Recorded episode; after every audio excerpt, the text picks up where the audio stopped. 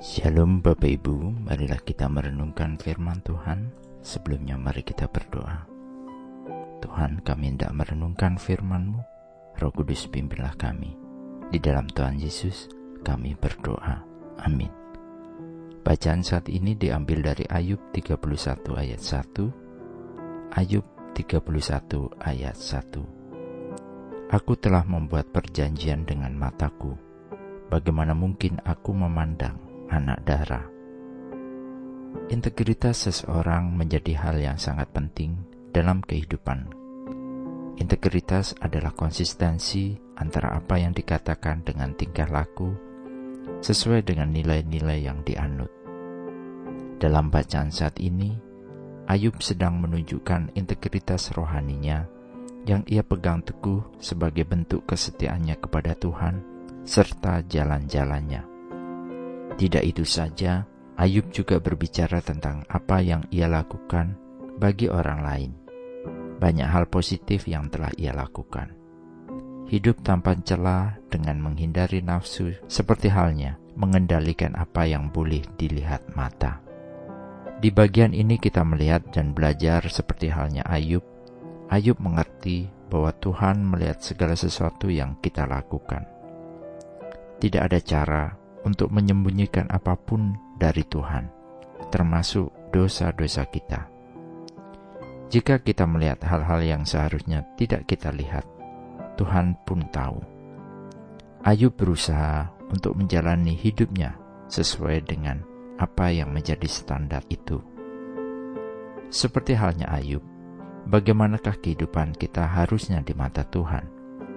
Kita harus sadar mengetahui bahwa Tuhan melihat semua yang kita lakukan dan kerjakan, baik pikiran dan tindakan kita, termasuk di dalamnya nafsu dan kemesuman hingga tindakan seksual di luar pernikahan. Menyadari Tuhan melihat segala sesuatu yang kita lakukan, ini harusnya berfungsi untuk menyucikan kita. Ibrani 4 ayat 13 menuliskan, tidak ada dalam semua ciptaan yang tersembunyi dari pandangan Tuhan. Semuanya dibuka dan disingkapkan di depan mata Dia yang harus kita pertanggungjawabkan. Tuhan Yesus pun menegaskan bagaimana kita menggunakan mata. Dalam Matius 5 ayat 27 hingga 28 menulis, Kamu telah mendengar firman, jangan berzina, tetapi aku berkata kepadamu bahwa setiap orang yang memandang perempuan dengan penuh nafsu sudah berzina dengan dia di dalam hatinya. Ini tidak hanya tentang perintah, tetapi juga tentang motivasi di balik perintah itu. Tuhan menginginkan kemurnian hati. Standar Tuhan lebih tinggi dari kita bukan hanya susunan kata-kata yang ada di dalam hukum-hukumnya yang disampaikan yang Tuhan pedulikan, tetapi jauh dalam hati dan rohani kita yang di dalamnya semuanya itu tersimpan. Dalam banyak hal, mata kita berfungsi sebagai gerbang awal pikiran, dan kita harus waspada agar kita tidak terjatuh dalam dosa.